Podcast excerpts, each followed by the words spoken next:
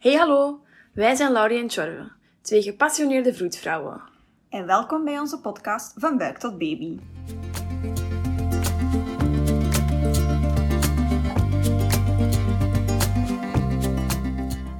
Dit is een podcast die zich richt op alles wat te maken heeft met een kinderwens, zwangerschap, bevallen en postpartum. Waarbij wij als vroedvrouw onze expertise delen door in gesprek te gaan met experten en ervaringsdeskundigen om zo onze luisteraars te begeleiden in deze belangrijke fase van hun leven.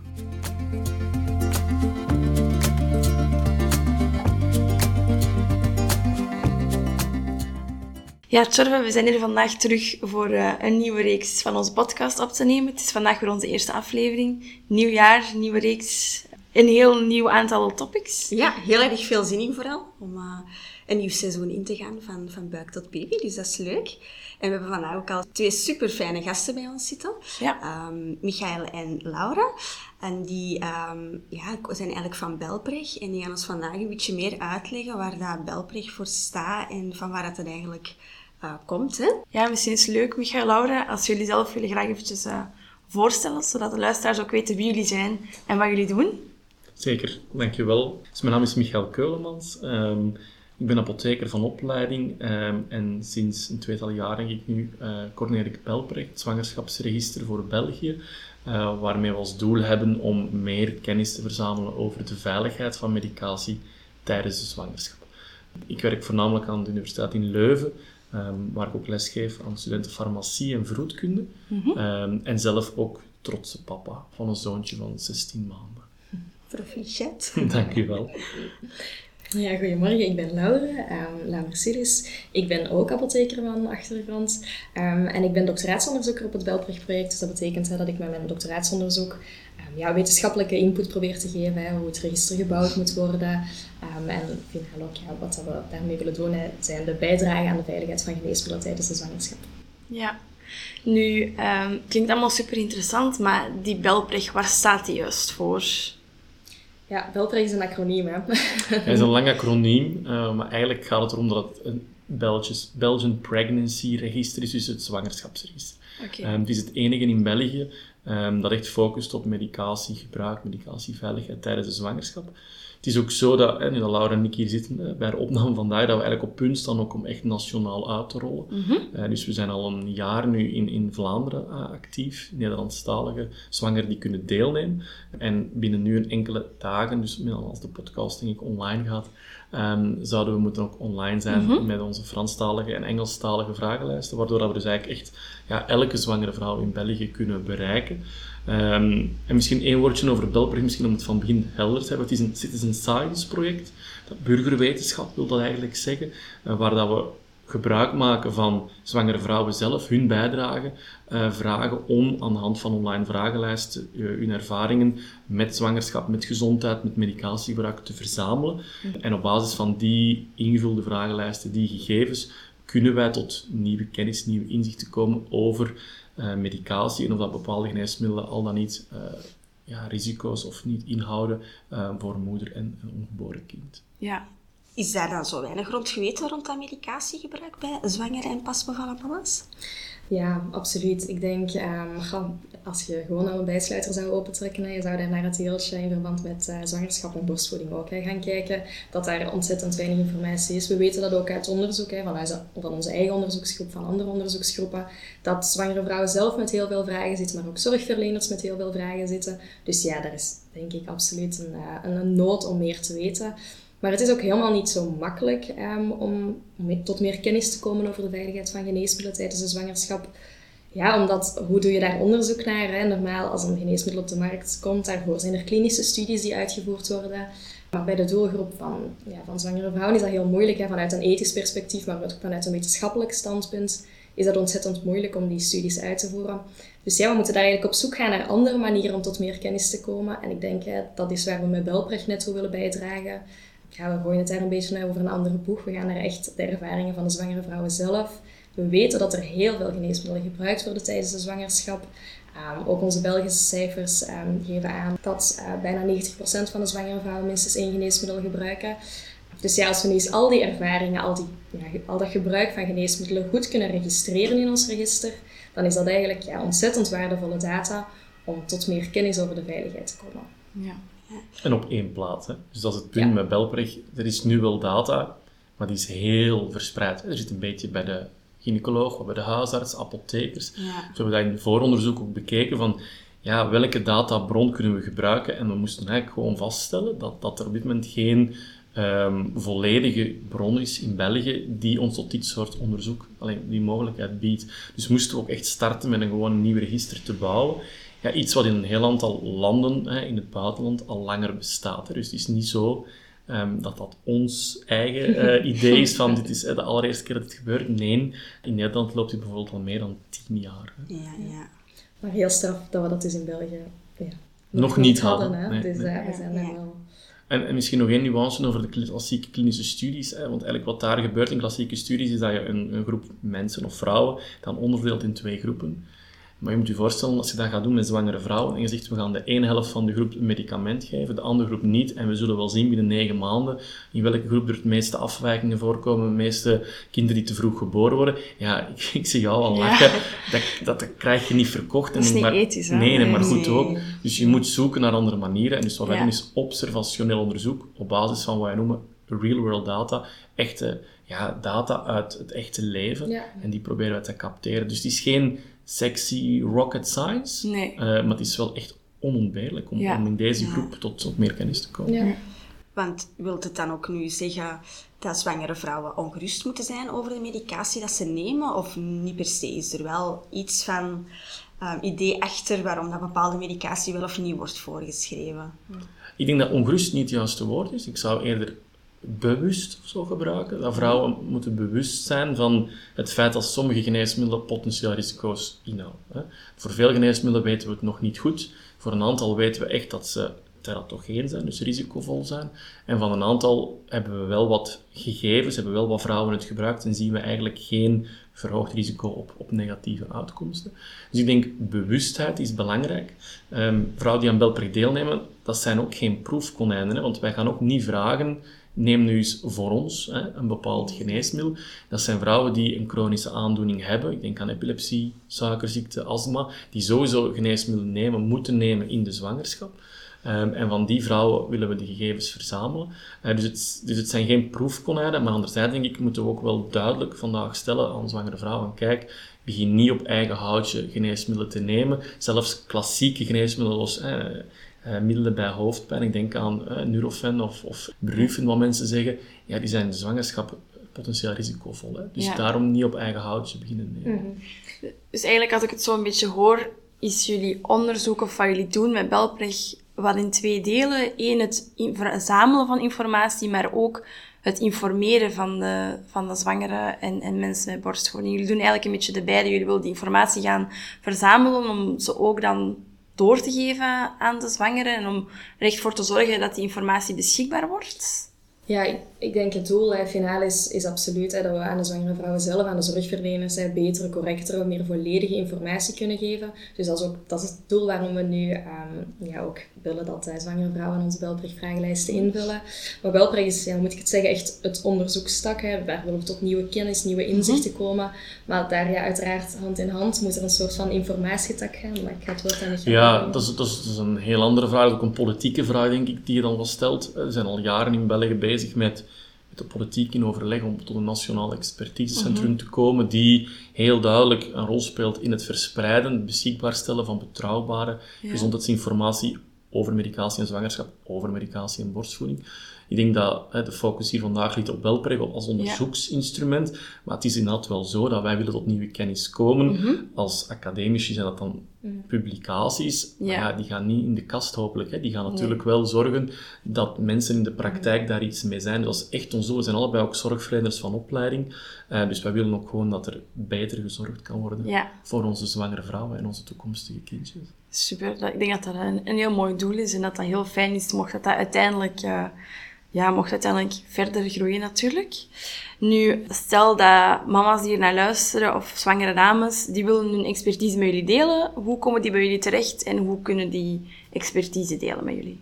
Wel, um, ja, het start op hun eigen initiatief. Hè, dus dat is heel fijn als ze nu aan het luisteren zijn en denken van ja, kijk, eigenlijk vind ik dat wel heel belangrijk. Ik wil ook nog even vermelden, we hebben hier al gesproken over zwangere vrouwen die geneesmiddelen gebruiken, maar ook zwangere vrouwen die geen geneesmiddelen gebruiken, kunnen zeker en vast deelnemen aan Belbrug. Hè. Voor finaal het, het, onderzoek, het epidemiologisch onderzoek dat we uitvoeren, hebben we altijd een controlegroep nodig. Hè, om het nu even met moeilijke termen te benoemen. Um, dus dat wil ik nog even duiden. Hoe kunnen ze starten? Dat was jouw vraag. Hè. Ja. Um, ze starten eigenlijk op onze website, dat is www.belbrecht.be. Kunnen ze ook nog een kort informatiefilmpje zien waar we kort duiden wat we juist verwachten tijdens het onderzoek, wat zij kunnen verwachten. En dan kunnen ze starten met de eerste vragenlijst in te vullen. Voor ze dat doen, moeten ze hun, toestemming geven. Dat ze, dat ze akkoord gaan met het delen van, van deze gegevens met, eh, met ons als onderzoekers we benadrukken, de reden waarom we dat vragen is omdat we uiteraard ook voldoen aan alle privacyvereisten en zo. Daar uh, hebben we heel lang over nagedacht, over hoe dat we dat systeem zo goed mogelijk en zo veilig mogelijk kunnen bouwen. En dan starten zij, dan vullen ze de eerste vragenlijst in. Uh, die kan je best wel invullen op een rustig moment, want die duurt wel 20 minuutjes, klein half uurtje. Maar eens je dan vertrokken bent, dan krijg je eigenlijk om de vier weken in je mailbox een, uh, een reminder, een korte uitnodiging, waarbij je een opvolgvragenlijst invult. En die is echt heel kort. Het zijn enkele minuten. We polsen dan welke geneesmiddelen je in de voorbije vier weken hebt gebruikt. Je krijgt ook te zien wat je vorige keer hebt ingevuld. Gebruik je dit geneesmiddel nog steeds? Is er iets mhm. veranderd? En zo volgen we eigenlijk heel de zwangerschap op. Op een gegeven moment hè, duidt je uiteraard, uiteraard aan dat je niet meer zwanger bent. En, uh, en dan volgen er uh, dan nog enkele vragen. En zeer recent, hè, dat is wel een mhm. fijne ontwikkeling. In, uh, in Belprecht hebben we ook vragenlijsten op 6 en 12 maanden toegevoegd. We vinden dat heel belangrijk. Initieel volgden we enkel op tot 8 weken na de zwangerschap. Maar uiteraard bepaalde, ja, ook de ontwikkeling van het kindje is heel belangrijk en dat kunnen we nog niet meten op acht weken. Hè. Dus mhm. daarom hadden we ook extra meetpunten ja, wat later in het leven van het kindje nodig. En daarom zijn deze vragenlijsten op 6 en 12 maanden ook toegevoegd. Omdat we graag zo'n volledig mogelijk beeld hebben um, ja, over, over de ontwikkeling van het kindje en de gezondheid van het kindje. Ja, ook om het aspect van borstvoeding er dan mee in te steken. Om te kijken van oké, medicatie en borstvoeding, dat wordt daar ook mee bij bekeken dan wel, we weten welke geneesmiddelen dat er gebruikt worden tijdens de borstvoeding. We bevragen ook hè, ehm, de voeding van het kindje. Mhm. Mhm. Eh, maar het doel van Belpreg is wel absoluut veiligheid van geneesmiddelen tijdens de zwangerschap. Dus specifiek. Maar, ja, maar het is wel interessant. ik kan nu geen te moeilijke termen maar borstvoeding aan zich is, wij zeggen een potentiële uh, confounder kan een invloed hebben, dat weet mm jullie even goed als ik, kan een invloed hebben op de ontwikkeling van het kind. Dus als wij gaan, op, allee, gaan opvolgen, kinderen tot één jaar en in de toekomst misschien zelfs nog langer, en je gaat bepaalde geneesmiddelen hebben gehad die de vrouw in de zwangerschap heeft genomen en die een negatieve impact zouden kunnen hebben op ontwikkeling van een kind, neurocognitief, ja, dan wil je wel weten of dat, dat kind borstvoeding heeft gehad of niet. Omdat dat eigenlijk dan bij sommige kinderen wel uh, ja, die positieve effect van borstvoeding kan geven, dat, het, dat er een iets minder negatief effect zou gezien kunnen worden. Dus we nemen dat sowieso mee. Maar Belprecht dat focust op medicatiegebruik in de zwangerschap en wat daar de risico's voor zijn. En misschien een leuk weetje van die nieuwe vragenlijsten, voordat we die ook allemaal uitrollen en, en, en implementeren, testen we die ook uitvoerig. En dus bijvoorbeeld de 6 en 12 maanden vragenlijsten na de bevalling, ja, daar hebben we bijvoorbeeld ook mijn eigen zoontje voor uh, ja, ingespannen. ja, hij heeft het zelf niet doorgehad, maar dat zijn eigenlijk vragenlijsten die, je kunt dat een beetje als spelletje zien, waar dat we gaan kijken naar hoe ontwikkelt het kind zich. Uh, naar fijne, grote motoriek, probleemoplossend handelen. Dat zijn steeds een aantal stellingen.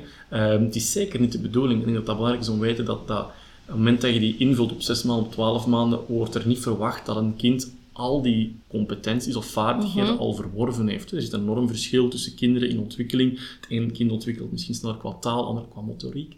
Maar we hebben dat eigenlijk thuis ook, mijn vrouw en ik, gedaan voor ons zoontje. Dus samen hebben we die vragenlijst ingevuld. Je kunt dan nog een aantal van die vaardigheden een keer testen bij het kind. Mhm. van, ehm, en ja, dat is gewoon cruciaal. En, maar we voelen wel dat, dat, ehm, dat er hier en daar wel vrouwen zeggen van, oh, ik vind wel wat, um, misschien wel lastig, omdat door dat in te vullen, als een kind op een bepaald competentiedomein of eh, nog, nog helemaal op geen enkel van die punten uh, al iets kan, dat dat voor ouders geen fijne vaststelling is. Heel confronterend ook wel, hè?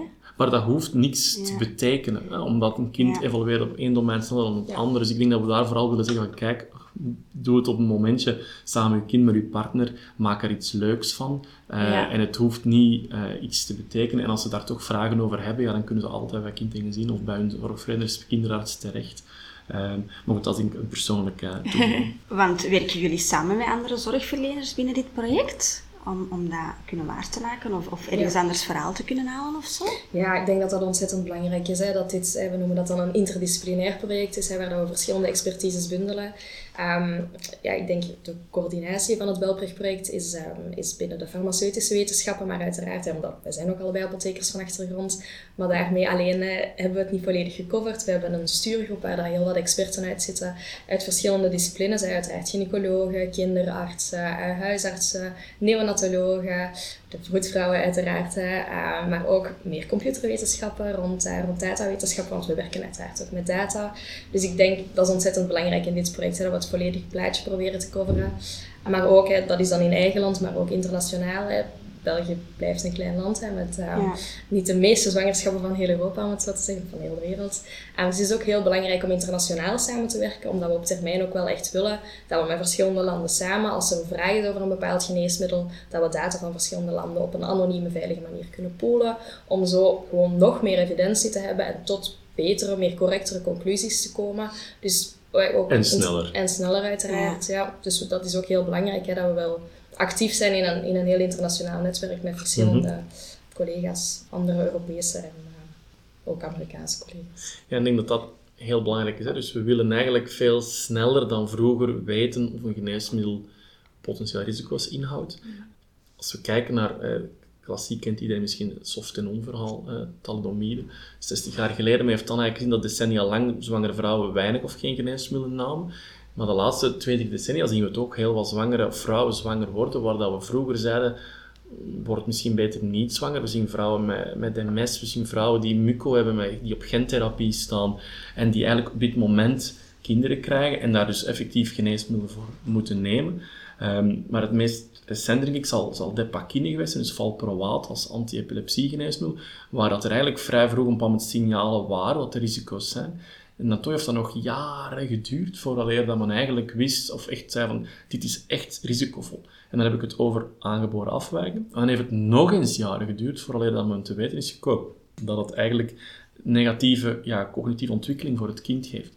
Ehm, we hebben nu recent een ander antiepilepsiegeneesmiddel waar we hetzelfde zien. Nieuwe data van vorig jaar toont aan dat het middel eigenlijk als de mama het gebruikt in de zwangerschap, dat het kind het ontwikkeling minder goed doet. Mhm. Ehm, we hebben gekeken naar de data van België, tien jaar geleden, vijf geleden, zijn er honderden zwangeren in België die dat gebruikt hebben. Dus we lopen eigenlijk gewoon achter de feiten aan. En dus daarom hoop ik echt dat de podcast oproept aan alle zwangeren, neem deel, ook als je geen geneesmiddelen neemt. Je bent zo belangrijk als controlevrouw voor onze analyses. En we moeten echt ervoor zorgen dat we veel sneller weten is er risico. Want weet goed, als een middel op de markt komt, zwangere vrouwen zijn een exclusie, worden uitgesloten uit de klassieke studies. Dus een middel komt op de markt, we weten niks over de zwangerschap. En dan plots worden toch zwangere vrouwen ongepland zwanger onder dat middel, of moet soms toch echt behandeld worden om als een ernstige ziekte hebben. En het zijn die, al die gegevens die we zo snel als mogelijk op één hmm. plaats moeten krijgen. Ja. ja, dat snap ik ook wel. Want dat is zo vaak moeilijk. Ik denk dat als zwangere soms ook niet evident is om te weten wat mag ik nemen, hmm. wat mag ik niet nemen. En bij wie ga ik daar nu bij te raden? Zo, hè? Aan wie kan ik nu vragen van welke medicatie mag ik al dan niet nemen? Ja wij zien zelf ook dat inderdaad de groep zwangere vrouwen die met bijvoorbeeld de mucoviscidose of, of er, meer ernstige aandoeningen, die vroeger heel dikwijls de leeftijd van zwanger niet haalden, dat dat nu wel zo is. Die worden ook ouder, dus die gaan ook zwanger worden. Dat er gewoon heel veel ja, onbekendheid ook bij artsen nog wel rond is. Gewoon omdat het nieuw is, omdat je het niet kent. En dan mhm. lopen we nu een beetje achter de feiten aan. En dan is het maar te hopen dat dit daar verandering in kan brengen. Hè? Mhm. Dat we niet meer achter de feiten gaan aanlopen voor zo'n, net zo'n mama's. Nee, nee, en ik wil misschien toch nog een kanttekening maken over ja, de bezorgdheid over het gebruik van geneesmiddelen. Het nemen van geneesmiddelen tijdens de zwangerschap, dat, dat is ook niet, hoe moet ik het zeggen, een keuze of zo. Hè. Dat is ook vaak gewoon echt nodig, hè, omdat een de, de aandoening, de ziekte dat je hebt, dat echt wel vereist om dat geneesmiddel te gebruiken.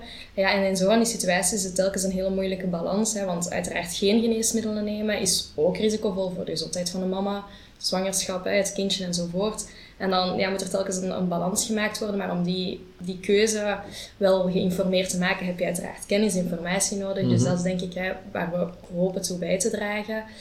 Maar ik denk ja, dat, we, dat we dat ook een beetje moeten nuanceren ja, het is, er is een bezorgdheid, maar het is ook gewoon vaak soms echt nodig. Mm. Hè? Ja. Een aandoening vereist een behandeling. Dus. Ja, ik denk dat we, als we daar een paar voorbeelden kunnen geven, als we zien dat een onbehandelde urineweginfectie, kan tot vroegtijdige wee en vroeggeboorte leiden, ja, dan denk ik dat daar nood is aan behandeling met antibiotica. Uiteraard. Ja, je hebt daar net het voorbeeld van epilepsie aangehaald. Hè. Ik denk, dat is, eh, uiteraard, dat kunnen we niet onbehandeld laten, want een Nee. epileptische aanval krijgen tijdens de zwangerschap is, wel- is zeer risicovol. Dus dan moet er gekeken worden, wat is het beste, het geneesmiddel waar we het meest over weten, Mhm. maar dat tegelijk ook voldoende ehm, de aanvallen kan controleren. Dus dat is, dat is telkens een hele moeilijke keuze, denk ik. Ja. En we zien dat als een vrouw echt een epilepsieaanval krijgt en een heel ernstige status epilepticus, dan weten we dat de kans dat het kind in utero, dus in de baarmoeder, overlijdt, tot 1 op 2 is. Hè. Dat is een veel groter risico dan eh, het risico op afwijking, eh, bijvoorbeeld eh, voor de meeste antiepileptica. Eh, maar dat zijn afwegingen die inderdaad moeten genomen worden. En dus en kom je op het punt, denk ik, dat we zeker ook willen maken, als je dan puur naar de praktijk gaat kijken, en dan heb ik het even niet over het onderzoek, maar puur klinische praktijk, vrouwen die chronische aandoening hebben en zwanger willen worden, we zouden die zeer graag hebben dat die vooraleer ze zwanger worden door de arts of specialist gezien zijn. Hè. Ja. Ehm, omdat ja, wij krijgen soms ook echt die vragen van vrouwen die dan, of zorgverleners die vragen, ja, vrouw is zes, acht weken zwanger, heeft dit nu genomen sinds de start van haar zwangerschap. Wat is het risico? Wat doen we daarmee? En dan denk ik, ja, we kunnen een aantal problemen soms vermijden als men die vrouwen vooraleer dat ze zwanger worden ziet, dat men zegt van oké, dit geneesmiddel weten we is niet zo ideaal, gaan we misschien stoppen, veranderen door iets anders en, en nu, als dat goed lijkt te werken, kan je zwanger worden. Ehm, dus preconceptioneel, dus voor de zwangerschap herevalueren van chronische medicatie, maar ook van antistofstatus in je bloed, en zo, is belangrijk. Dus ik denk dat we veel meer ook op dat vlak op Ja. preventie willen inzetten. Is En, ja. zeker iets wat dat wel hard speelt, denk ik, binnen ehm, de vroedkunde, binnen de verloskunde. Dat daar veel meer wordt op ingespeeld. En ik denk dat we daar zelfs nog een podcast over ehm, hebben in de wacht staan. Dus daar komt zeker nog aan bod. Heel belangrijk. Zeer Ja, idee. Het heel gezond zwanger worden begint, Ja, eh, begint vooraf Ja. aan de conceptie. Ja, ja, zeker belangrijk. Ik denk dat dat ook iets moois is om, om mee te geven. Is belangrijk ehm, dat zwangeren daar ook op voorhand over nadenken. Alleen of dat vrouwen die zwanger willen worden, daar op voorhand ook eens even over nadenken. Maar dat die ook geïnformeerd worden door andere zorgverleners. Want als je het niet weet, kan je het ook niet gaan aanpassen. En, en, en weet je ook vaak niet wat de risico's zijn of wat de gevolgen zouden zijn.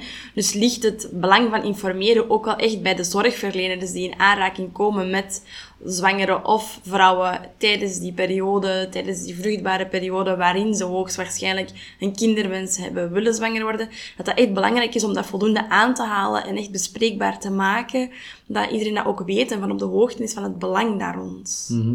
Ja, en toch voelen we ook dat, dat er wel wat zorgverleners zijn die dit een moeilijk thema vinden. En daar toch wel wat, ehm, ja, soms ook gewoon ervaring in missen. Of, of, ja. En dan is het heel snel gezegd hè, van neem geen geneesmiddelen. En niet dat dat Ja. bij wat Laura net zei.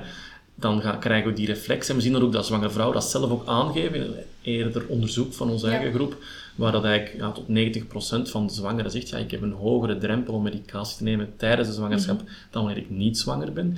Maar goed, als dat net vrouwen zijn die een chronische aandoening hebben en die je echt wel moet behandelen, als die zeggen ik stop met mijn medicatie, ja, dan doen we het vaak eh, slechter. Hè? En dan Ja. creëren we meer risico's. Eh, maar het is wel iets dat we soms merken, dat ook met borstvoeding, maar goed, daar gaat het misschien minder over vandaag, maar als Ja. je een zorgverlener ziet die soms wel gewoon zeggen, kolf maar een paar dagen af, dan zijn we zeker.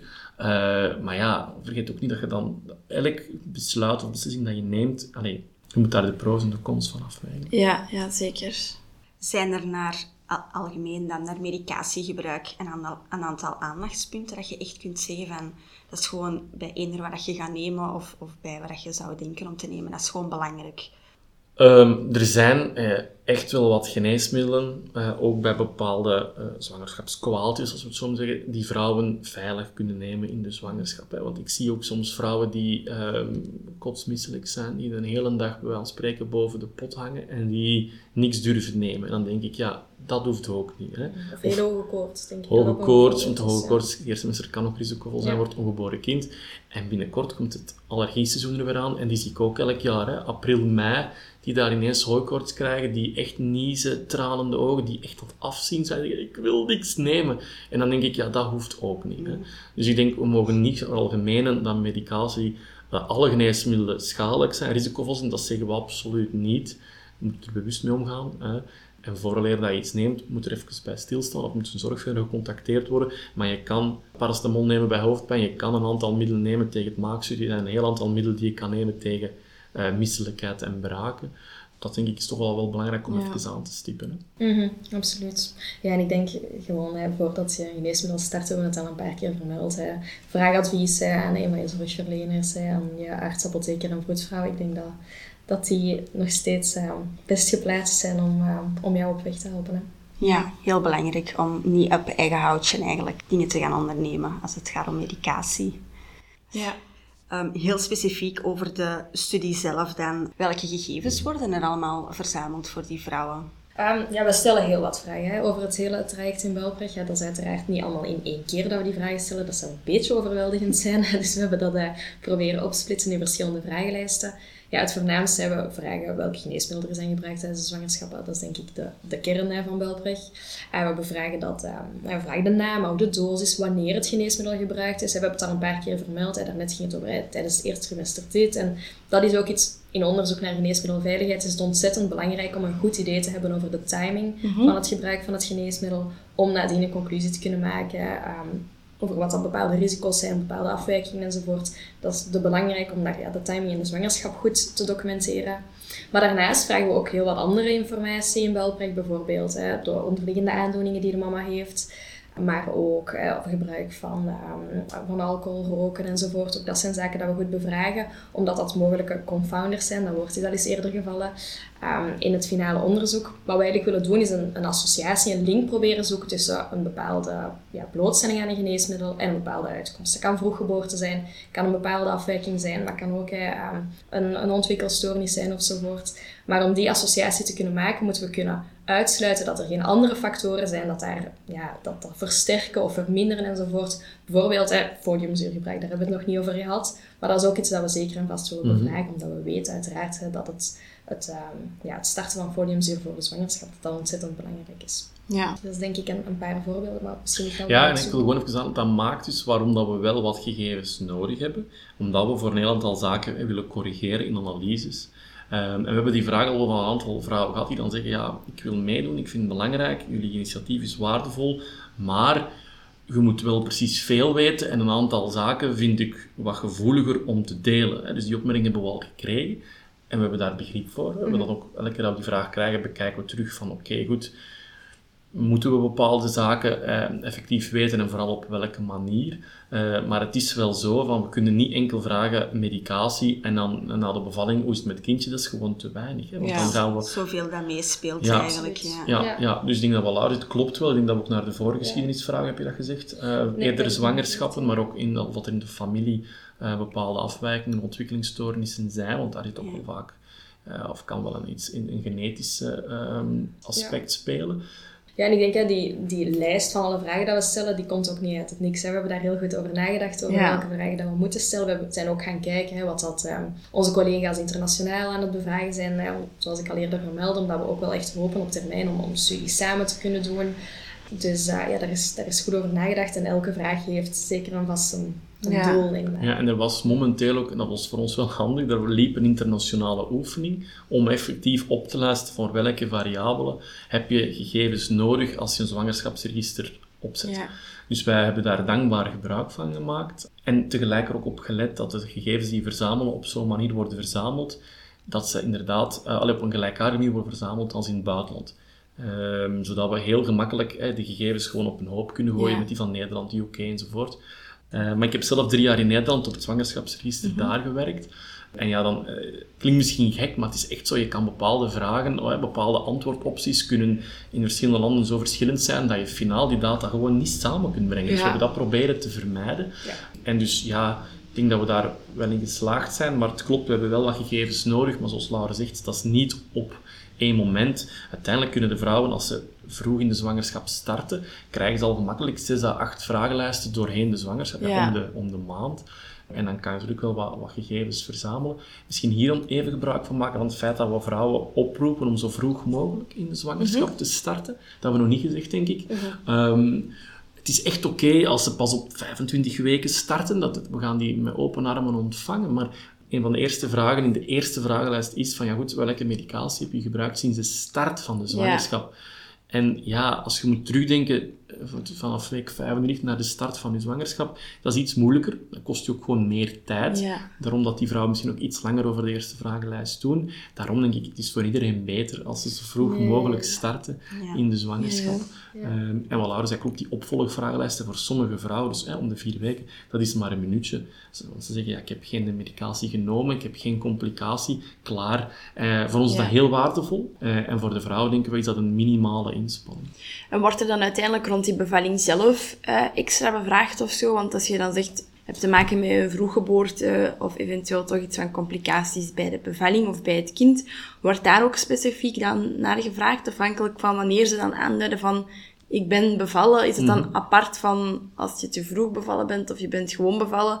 Of wordt er gewoon in de vragenlijst rekening gehouden met dat je daar eigenlijk alles gewoon kan vertellen over de bevalling en hoe het met het kind gesteld gaat? Ja, ik denk de vragenlijst, de vragen veranderen in functie van jouw situatie, om het zo te schetsen. Dus inderdaad, vanaf een gegeven moment duid je aan dat je niet meer zwanger bent. Uh, bijvoorbeeld ook in, in, uh, in de context van een miskraam, hè, dan, dat, dat komt zeker en vast ook voor. Hè. Dan, dan zijn er uiteraard vragen specifiek voor die situatie. Ja. Ook inderdaad bij een vroeggeboorte kan je dat aanduiden. Um, we proberen zo min mogelijk uh, met hele ja, open vragen waar veel geschreven moet worden te werken. Voornamelijk zaken die aangevinkt kunnen worden. Maar we proberen ook wel steeds ruimte te bieden als er iets gedeeld, als ze iets zouden willen delen, dat er wel plaats voor is.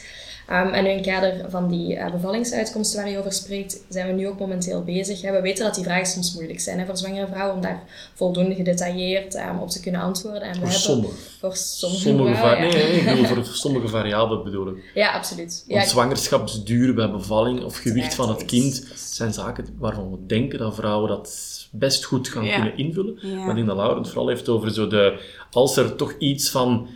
Ja, afwijking is geen mooi woord, hè, maar als er toch iets is dat eigenlijk minder goed is verlopen, Ja. dat het kind toch een complicatie doet, dus op neonatologie terechtkomt Mhm. of zo, hebben we een beetje de vraag op dit moment van kunnen vrouwen dat Juist voldoende genuanceerd of gedetailleerd rapporteren. Ja. ja, en daarvoor hebben we momenteel een, een extra eh, validatie lopen, een validatiestudie, waar dat we wel voor een 200 vrouwen in Belprecht echt gaan kijken, dossiers van artsen en vroedvrouwen. Vrouwen moeten daar weer een toestemming voor Ja. geven, dat we dat mogen.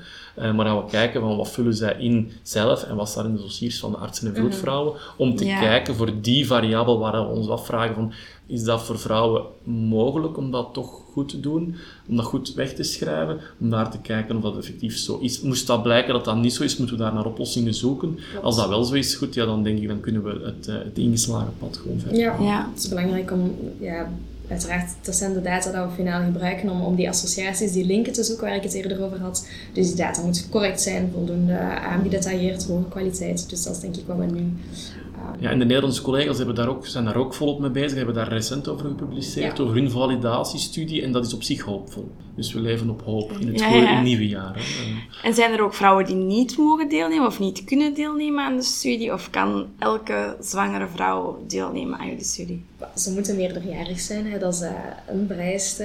Ehm, ja, momenteel hè, nog in het Nederlands, maar dat gaat dus binnen eh, zeer weinig dagen ook in het Frans en in het Engels beschikbaar zijn. Dus dan, ja, je moet uiteraard een van deze drie talen kunnen Mhm. begrijpen om te kunnen deelnemen. Eh, je moet zwanger zijn op dit moment, dat is ook belangrijk. We krijgen soms berichtjes ehm, van, eh, van vrouwen die ons sturen van ja, kijk, ik heb tijdens de zwangerschap dit genomen en ik heb dat dan genomen en ik weet echt nog heel goed wanneer ik dat heb genomen. En dat, dat toont ook wel, denk ik, dat daar sowieso al wel heel bewust wordt mee omgegaan en met het gebruik van geneesmiddelen tijdens de zwangerschap. Daar leeft een bezorgdheid rond, dus ja, zwangere vrouwen zijn daarmee bezig. En zeggen van ja, ik heb dat genomen tijdens mijn zwangerschap, ik ben nu al wel hè, een half jaar bevallen. Mag ik nog steeds dat delen met jullie? Van ja, dat, dat gaat niet. Hè. Ik denk, om deel te nemen aan Belprecht moet je op dit moment zwanger zijn, omdat het vanuit een methodologisch standpunt heel belangrijk is dat we eigenlijk eerst de blootstelling aan de geneesmiddelen goed kunnen rapporteren en dan Ja. pas de uitkomst rapporteren. Want anders zou je met een soort van ja, andere bril eraan andere bril Ja. Ja, dat is mooi verwoord, denk ik. Ja. Het doet wel een beetje pijn voor ons, denk ik. Als die vrouwen aan ons mailen en zeggen, ja, we zouden heel graag deelnemen, we moesten dan ontgoochelen. Eh, ik denk dat het vooral ook leert dat, ehm, dat zwangere vrouwen wel echt, ja, ook hier ook ja, de waarde van inzien en zeggen van, ja, dit is echt belangrijk en daar kunnen we enkel maar dankbaar om zijn, denk ik. Mhm. Ja, ik denk dat ze gewoon ook hopen, als ze zelf een, een bepaalde bezorgdheid hebben, hebben gezeten tijdens hun zwangerschap, dat ze hopen dat dat voor hun toekomstige zwangerschappen of toekomstige zwangerschap van andere uh, toekomstige mama's gewoon niet zo moet zijn. Hè. Dat er gewoon wel meer kennis, Mhm. meer um, evidentie kan zijn om, om gewoon ja, meer gerust een keuze te kunnen maken. En ik denk ook dat is absoluut wat dat we willen nastreven. Ja.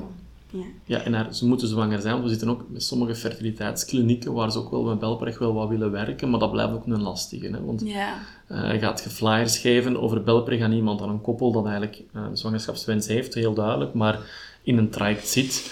Je weet ook Ja. niet wanneer ehm, worden ze zwanger. Dus daar, allee, daar aarzel ik dan soms toch ook wel wat, in hoeverre dat we echt eh, aan die patiënten Belpreg heel uitgebreid moeten, moeten verkondigen. Hoewel natuurlijk, ehm, dat als ze zwanger zijn, eh, we heel graag hebben dat ze, dat ze Ja, deelnemen ja. en dat ze ons inderdaad kennen. En dus soms ja, mogen vrouwen ons zeker ook al leren kennen als ze nog niet zwanger zijn. We zien ook wel op dit moment, als we naar onze huidige deelnemers van Belpreg kijken, dat we ook wel een beetje meer vrouwen hebben die eh, zwanger zijn geworden door een fertiliteitstraject dan dat in de algemene Vlaamse zwangere bevolking het geval is. Eh, wat misschien ook wel wijst dat die mensen zeer bewust bezig Ja. zijn met, Ja, met het verhaal zwangerschappen. Ja, en ik denk, we proberen ons op verschillende manieren kenbaar te maken. Hè. We zitten ook op social media, waarin we, ja, we proberen soms ook posts te maken, bijvoorbeeld ehm, ja, meer informatief. hè. Welke geneesmiddelen kan je nemen als je ehm, verkouden bent? Welke geneesmiddelen kan je nemen bij misselijkheid? Om daar toch ook wat ja, meer kennis te delen. We weten dat die kanalen op dit moment heel beperkt zijn, dat het moeilijk is om betrouwbare info te vinden. Dus ja, via die kanalen proberen we ook wel wat inzichten zo meer te delen. En tegelijk hopen we dan als mensen onze pagina volgen, eh, dat ze dan eh, uiteraard ook willen deelnemen eh, als ze zwanger zijn. En via welke kanalen kunnen onze zwangere vrouwen jullie dan juist vinden? Eh, wel, Belpreg is te vinden op eh, Instagram, het Mhm. de naam op Facebook ook te vinden. En dan uiteraard onze website. Oké. We zullen zeker ehm, bij de uitleg over de podcast zeker nog wel verwijzen naar jullie Instagram-pagina en zo. Dus gaan Ja, we zeker gaan we doen. zeker doen. Wat, ons, wat wat Laura zegt, klopt, onze Instagram-pagina is niet enkel te zeggen van hey, wij zijn Belpreg, doe mee. Maar we willen ook wel iets, iets teruggeven, hè, waardoor we inderdaad informatieve posts maken. We merken ook wel dat die geapprecieerd worden, dat zowel zorgverleners, eh, dat toch ook wel, hè, in de laatste posting die we hebben gehad, eh, inhoudelijk over Navalit, dus bij zwangerschapsmisselijkheid en braken, die heeft het eh, goed gedaan. Daar is veel eh, animo rond geweest. Dus we willen dat ook zeker het nieuwe jaar blijven, blijven doen, dat we met inhoudelijke posts komen. Eh, Ja, en als maar- er ideeën rond zijn, dan eh, zijn die ook ja, altijd welkom. Dus, suggesties ja. van waar dat we best iets rond doen, ehm, Ja. waar dat mensen met vragen zitten, mogen ze ons dat ook altijd wel laten weten. Oké, kijk hoe. Bij deze dus een oproep aan, aan Ja, onze voilà. zwangere mama's. Ehm, is er iets wat wij als zorgverlener kunnen doen of als uh, vroedvrouw of gynaecoloog naar de studie toe? Is er iets waar wij een bijdrage bij kunnen doen misschien of zo? Ja, vertellen over Belpreg. Hè. Eh, We zijn nu een jaar bezig in Vlaanderen en, en we moeten daar ook eerlijk in zijn, denk ik. We zijn sinds twee, drie maanden op, op social media ook echt aan het adverteren. En we zien dat we momenteel ja, evenveel recruteren, evenveel vrouwen die tot ons komen via social media dan via zorgverleners. Zowel dat we al veel langer Ja. eigenlijk ehm, ja, ons aan het bekendmaken zijn onder zorgverleners. We hebben al bij heel veel ziekenhuizen en ook vroedvrouworganisaties of vroedvrouwen symposia, maar ook voor apothekers, gynaecologen hebben we al, al dingen gaan vertellen. En je voelt wel dat zorgverleners zeggen, wauw, wat jullie doen is belangrijk. En als we dan vragen van ja, willen jullie flyers meegeven, dan zien we daar tot een grote groep zegt van ja, wij voelen dat wel. Maar we zien wel dat het daar dan soms stopt, want flyers staan dan in een, in een ziekenhuis in een wachtzaal. Maar ja, daar staan heel veel flyers. Hè. En, Ja. en dus ik denk dat we daar nog één stapje meer hopen te, te, of verwachten, denk ik, of hopen te krijgen van zorgverleners, dat ze echt ook die flyer nemen, aan de zwangere vrouw eh, meegeven en er twee zinnen over zeggen van Ja. kijk, dit is een belangrijk initiatief in België, hè, aan de hand van online vragenlijsten om de ervaringen van zwangere Ja. vrouwen te gaan verzamelen, zodat we in de toekomst beter voor vrouwen kunnen zorgen. Ja. Vrouwen die we hebben gesproken gaven ook aan dat dat een heel belangrijke ehm allee, trigger is voor hen. Als hun zorgverlener zegt van dit is belangrijk, het zou, het zou echt goed zijn moest je daar kunnen aan deelnemen, dan is dat voor hen een extra motivator. Dus daarom denk ik, ja, eh, we hebben heel veel gratis flyers die we aan alle zorgverleners beschikbaar stellen. Dus als er mensen luisteren en zeggen, ik wil flyers, stuur ons een mailtje, wij sturen een postpakket op. En dan in de praktijk geef de, eh, de flyer mee met die Ja. enkele zinnetjes. Ik denk Ja. dat, dat we dan nog hopen, denk ik. eh, Ja. ja. Wij gaan er alvast eh, mee achter staan en proberen mee te delen, want ik denk dat we uit ons beiden wel kunnen spreken, dat we het wel super interessant vinden. Zeker. En dat we met deze podcast ook echt wel een oproep willen doen aan zwangere vrouwen om deel te nemen aan de studie en aan zorgverleners om het ook verder bekend te maken. Ja, zeker. Dat zou heel mooi zijn, absoluut. Misschien nog een, een laatste vraag. Hè. Ehm, waar we meestal mee afsluiten in onze podcast is een gouden tip naar misschien wel mama's toe of zorgverleners toe. Hebben jullie een gouden tip dat je zegt van dat wil ik van heel dit babbeltje of heel dit verhaal zeker wel onderdrukken en meegeven?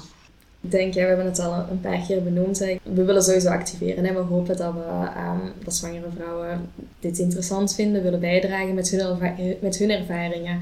Het voor zwangere vrouwen in de toekomst hopelijk makkelijker en aangenamer kunnen maken als het over geneesmiddelen gaat. Maar dan specifiek moeten we het misschien ook nog een tip geven over um, geneesmiddelen in kader van Ja, ik denk eerst en vooral ook, allee, Belpreg is er voor en door zwangere vrouwen. Hè ik ben geen zwangere vrouw, dat is vrij helder. hè, maar het is mee ontwikkeld door zwangere vrouwen. Vrouwen vullen het in en de kennis die eruit komt is opnieuw voor vrouwen. Dus denk dat dat heel belangrijk is. Het is burgerwetenschap. Mensen, vrouwen zelf, zijn betrokken van, van, van begin tot het einde. Maar zonder betrokkenheid gaat dat niet lukken. Hè. Nee. Uh, ik denk dat dat heel helder is los van het feit dat van deelnemers struggelen wij ook nog wel enorm met financiële uh, zaken. En dus naar hoe krijgen we dit in de toekomst verder gefinancierd? Dat is een vraag voor de politiek. Een vraag, Daar ging het vandaag niet over, maar ik denk dat dat toch in ene zin aan bod mag komen, dat dat nog altijd heel moeilijk blijft om dit soort onderzoek in de lucht te houden. Ja, dat topic ook gewoon op de terwijl dat, denk ik. Ik kan daar niet goed bij, want het is zo belangrijk. We hebben 120.000 zwangere en kinderen die per jaar worden in België geboren. Het is geen kleine doelgroep, maar om het te financieren is dat een heel lastige zaak. Maar bon, daar zullen wij verder aan werken. um, maar we hebben die deelnemers nodig hè, om het een succes te maken en om ook allee, aan onze financiers aan te geven kijk, er is ook effectief bij vrouwen, bij zorgverleners, ja, die vinden dat belangrijk dat dit gebeurt. Uh, maar dus Belprecht vrouwen kunnen het gewoon ook in hun zetel doen. Hè. We zijn nu bezig met een, een promofilmpje aan het maken over Belprecht, waar dat eigenlijk, ja, een vrouw op haar laptop, op haar smartphone, op haar tablet, gewoon in de zetel, s'avonds, in plaats van dat ze heel de Instagram afscrollt en alleen maar reels bekijkt, ook even iets doet op een eenvoudige manier waar dat de, de wereld mee kan, kan geholpen worden. Um, dus dat is belangrijk. Een tip naar medicatiegebruik. Ik denk, ik zou toch graag willen alleen samenvatten dat het, als ik puur naar de praktijk ga kijken, uh, we zien dat er meer en meer vrouwen op een oudere leeftijd zwanger worden ik als man ben daar ook zelf schuldig aan geweest, hè, met ons eerste kind op een oudere leeftijd of een latere leeftijd. Maar dat eigenlijk vrouwen ook, ja, medicatiegebruik bij zwangeren neemt toe. Dat komt onder andere door leeftijd, dat komt door BMI, dat komt door van allerlei zaken. Maar dus meer en meer vrouwen nemen chronische geneesmiddelen nodig, willen zwanger worden. Bespreek dat vooraleer dat je zwanger wordt. We moeten daar veel meer op inzetten. Ik ben heel blij als ik hoor dat er een podcast komt over preconceptie. Er zijn ook meer en meer opleidingen dat daarover aan, uh, uit de grond schieten zijn. Um, dat is niet zomaar uh, voor niks. Dus ik denk, vooraf van de zwangerschap herevalueren, oppassen met op eigen houtje medicatie te nemen. En dan de laatste vooral, als je chronische medicatie neemt en je zou toch ineens zwanger zijn, al dan niet met de bedoeling of niet, maar stop niet zomaar met direct al je chronische medicatie, want dan ga je in een heel aantal gevallen de situatie verergeren. Ga je een astma-aanval doen, ga je een epilepsieaanval krijgen. Uh, maar probeer dan zo snel mogelijk juist gepast medisch advies te vragen. Ik hoop het al een beetje als tips zeker voldoende. Kan aanslaan. Ja. ja, zeker. Ik denk uh, dat het enorm waardevol is wat dat jullie doen. En ik denk dat we er ook mee naar uitkijken, naar het verdere verloop van jullie onderzoek, naar hetgeen dat eruit gaat voortvloeien. Dat, uh, daar kijken we heel erg mee naar uit. Um, en we willen jullie ja, heel graag bedanken om vandaag jullie uitleg te komen doen. Om zo ja, onze zwangeren, onze mensen die zwanger willen worden, iedereen daar rond uh, verder te informeren. Wij vonden het alvast super fijn om uh, met deze aflevering ons nieuw seizoen in te gaan. Ja. Heel erg bedankt hiervoor. Met plezier. Met heel veel plezier. Jullie zijn bedankt.